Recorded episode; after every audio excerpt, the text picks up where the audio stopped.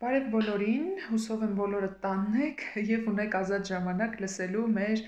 Չափազանց հետաքրքիր իմ կարծիքով ոդքասթը,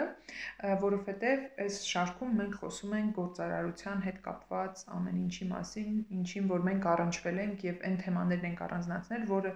առանձնացրել, որը որ կարծում ենք հետաքրքիր է։ Ուրեմն այս այս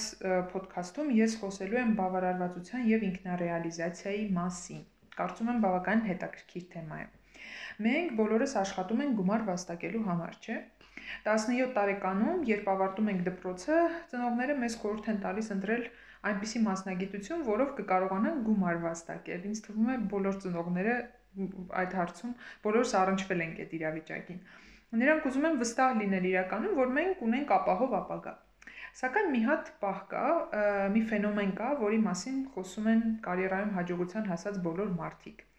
Նույնիսկ ամենահիմար մասնագիտությամբ կարող ես գումար վաստակել, եթե սիրում ես այդ մասնագիտությունը եւ ամեն օր սիրով ես գնում աշխատանքի։ Իրականում այդտեղ է գաղտնիքը գումար վաստակելու։ Այս ոդքասթների շարքում շատ եմ մեջ բերում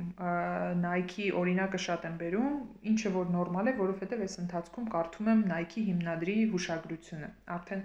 ոդքասթներից մեկում դրա մասին ասել է։ Ուրեմն նա ասում էր, պատմում է իր փորձառության մասին, ինքը մինչև մարզակոշիկների իր բիզնեսը հիմնելը, փորձում էր գումար վաստակել տարբեր տեղեր աշխատելով։ Ի վերջո նա շատ լավ կրթություն ուներ, Ստենֆորդներ ավարտել ու այսպես հոր խորհրդով տարբեր-տարբեր տեղեր է աշխատում, բայց միշտ ուներ այդ գաղափարը սեփական բիզնես ունենալու։ Նա մի կարճ ժամանակաշրջան նույնիսկ գումար վաստակելու համար հանրագիտարաններ էր վաճառում։ Հիշեցնեմ, որ խոսքը 60-ական թվականների մասին էր, երբ չկար ինտերնետ ու հանրագիտարանը շատ թանկ ու կարևոր գիրք էր։ Եկեք հիշենք, որ ընդամենը նույնիսկ եթե ոչ 60-ական թվականներ, մի 10-15 տարի առաջ հանրագիտարանը դեռևս բավականին կարևոր գիրք էր յուրաքանչյուր ընտանիքի գրադարանում։ Եվ այսպես նա Phil Knight-ը, Nike-ի հիմնադիրը, օրեր շարունակ չկարողացավ վաճառել նույնիսկ մի հանրագիտարան։ Ու հետագայում իր գրքում գրում է Ես ի վիճակի չէի վաճառել հանրագիտարաններ եւ այնքան էի ատում այդ զբաղմունքը, որ պատրաստ էի դրանք ոդկով շպրտել։ Ինչու է ինչու է մարզակոշիկների վաճառքում ամեն ինչ այլ, որովհետև ինչպես գիտակցեցի, դա պարզապես վաճառք չէր։ Ես հավատում էի վազքին, հավատում էի, որ եթե մարդիկ ամեն օր տանից դուրս գան եւ մի քանի մղոն վազեն, աշխարհը կդառնա ավելի լավը եւ հավատում էի, որ այս կոշիկներով լավ է ստացվում վազելը։ Զգալով իմ հավատը, մարդիկ ցանկանում էին ձեռք բերել այդ կոշիկները, հա, մարզակոշիկները։ Սրանով իրական ամեն ինչ ասված է ժողովուրդ պետք է սիրել այն աշխատանքը, որով զբաղվում ես, որpիսի մարդիկ եւս սիրեն քո բիզնեսը, հա։ Սեփական բիզնես վարելը մեր թիմի համար էլ նախ եւ առաջ հնարավորություն է զբաղվել այն աշխատանքով, որը մենք սիրով ենք անում ու առանց սահմանափակումների։ Դու ունես ազատություն, էքսպերիմենտներ անելու, սխալվելու, փորձարկելու, նույնիսկ ամենաապուշ գաղափարը կյանքի կոչելու համար։ Ազատությունը սահմանափակվում է բնականաբար քո թիմի արժև պատասխանատվությամբ, քանի որ դու պատասխանատու ես ոչ միայն քո, այլև քո թիմակիցների արժև, բայց այսպես ասեմ, փոքր թիմերի դեպքում սա այդքան էլ մեծ խնդիր չէ մի քանի առավելություն եմ, հա, առանձնացրել, որոնք ունի գործարարությունը ինքնարեալիզացիայի, այսպես ասած, եւ սեփական աշխատանքը սիրով անելու տեսանկյունից, հա։ Սխալվելու եւ էքսպերիմենտներ անելու հնարավորություն դուք ունեք, երբ որ զբաղվում եք սեփական բիզնեսով, սեփական ժամանակը կառավարելու եւ աշխատանքի վայրը որոշելու ազատություն ունեք, ֆորմալ եւ ընթացակարգային տարբեր պրոցեդուրաների բացակայությունն է շատ հիասքանչ դարձնում ձեր աշխատանքային առօրյան մի հատ այս 4-րդ կետը հետաքրքիր է, դուք ունեք երկարաժամկետ պլանավորման հնարավորություն, վերապահումով։ Ինչու վերապահումով, քանի որ մեր օրերում աշխատանքում ոչինչ չես կարող երկարաժամկետ պլանավորել, նույնիսկ կարող ենք ասել հակառակը, հա, սեփական բիզնեսի դեպքում երկարաժամկետ պլանավորման բացակայություն, հա, այսպես երկակի է այս վիճակը,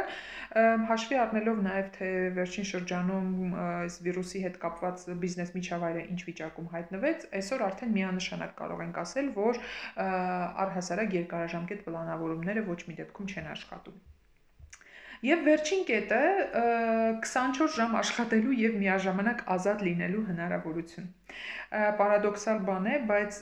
ունենալ սեփական բիզնես նշանակում է 24 ժամ լինել դրա մեջ, դրանով ապրել, դառնալ դարձնել դա քո ինքնության մի մասը։ Դա ստացվում է քեզանից անկախ, քանի որ դու դա չես դիտարկում այլևս որպես աշխատանք, հա, պարզապես ել եմ ասում քո ինքնության մի մասն է դառնում բայց դա պետք է լինել այդ տեսակը եւ սիրել այդ վիճակը, հա։ Այսպիսով, վերադառնալով նորից ինքնարեալիզացիային, հա, հիմնական թեմային, բիզնեսի գլոբալ նպատակը գումար վաստակելն է, սակայն դա անհնար է առանց հավեսով ու այսպես գեղեցիկ գաղափարների վրա հիմնված աշխատանքի։ Պատահական չէ, որ ի սկզբանե ոչ կոմերցիոն նպատակով ստեղծված ապրանքները ամենից լավն են վաճառվում, Այնպես որ ինչպես մենք սիրում ենք ասել,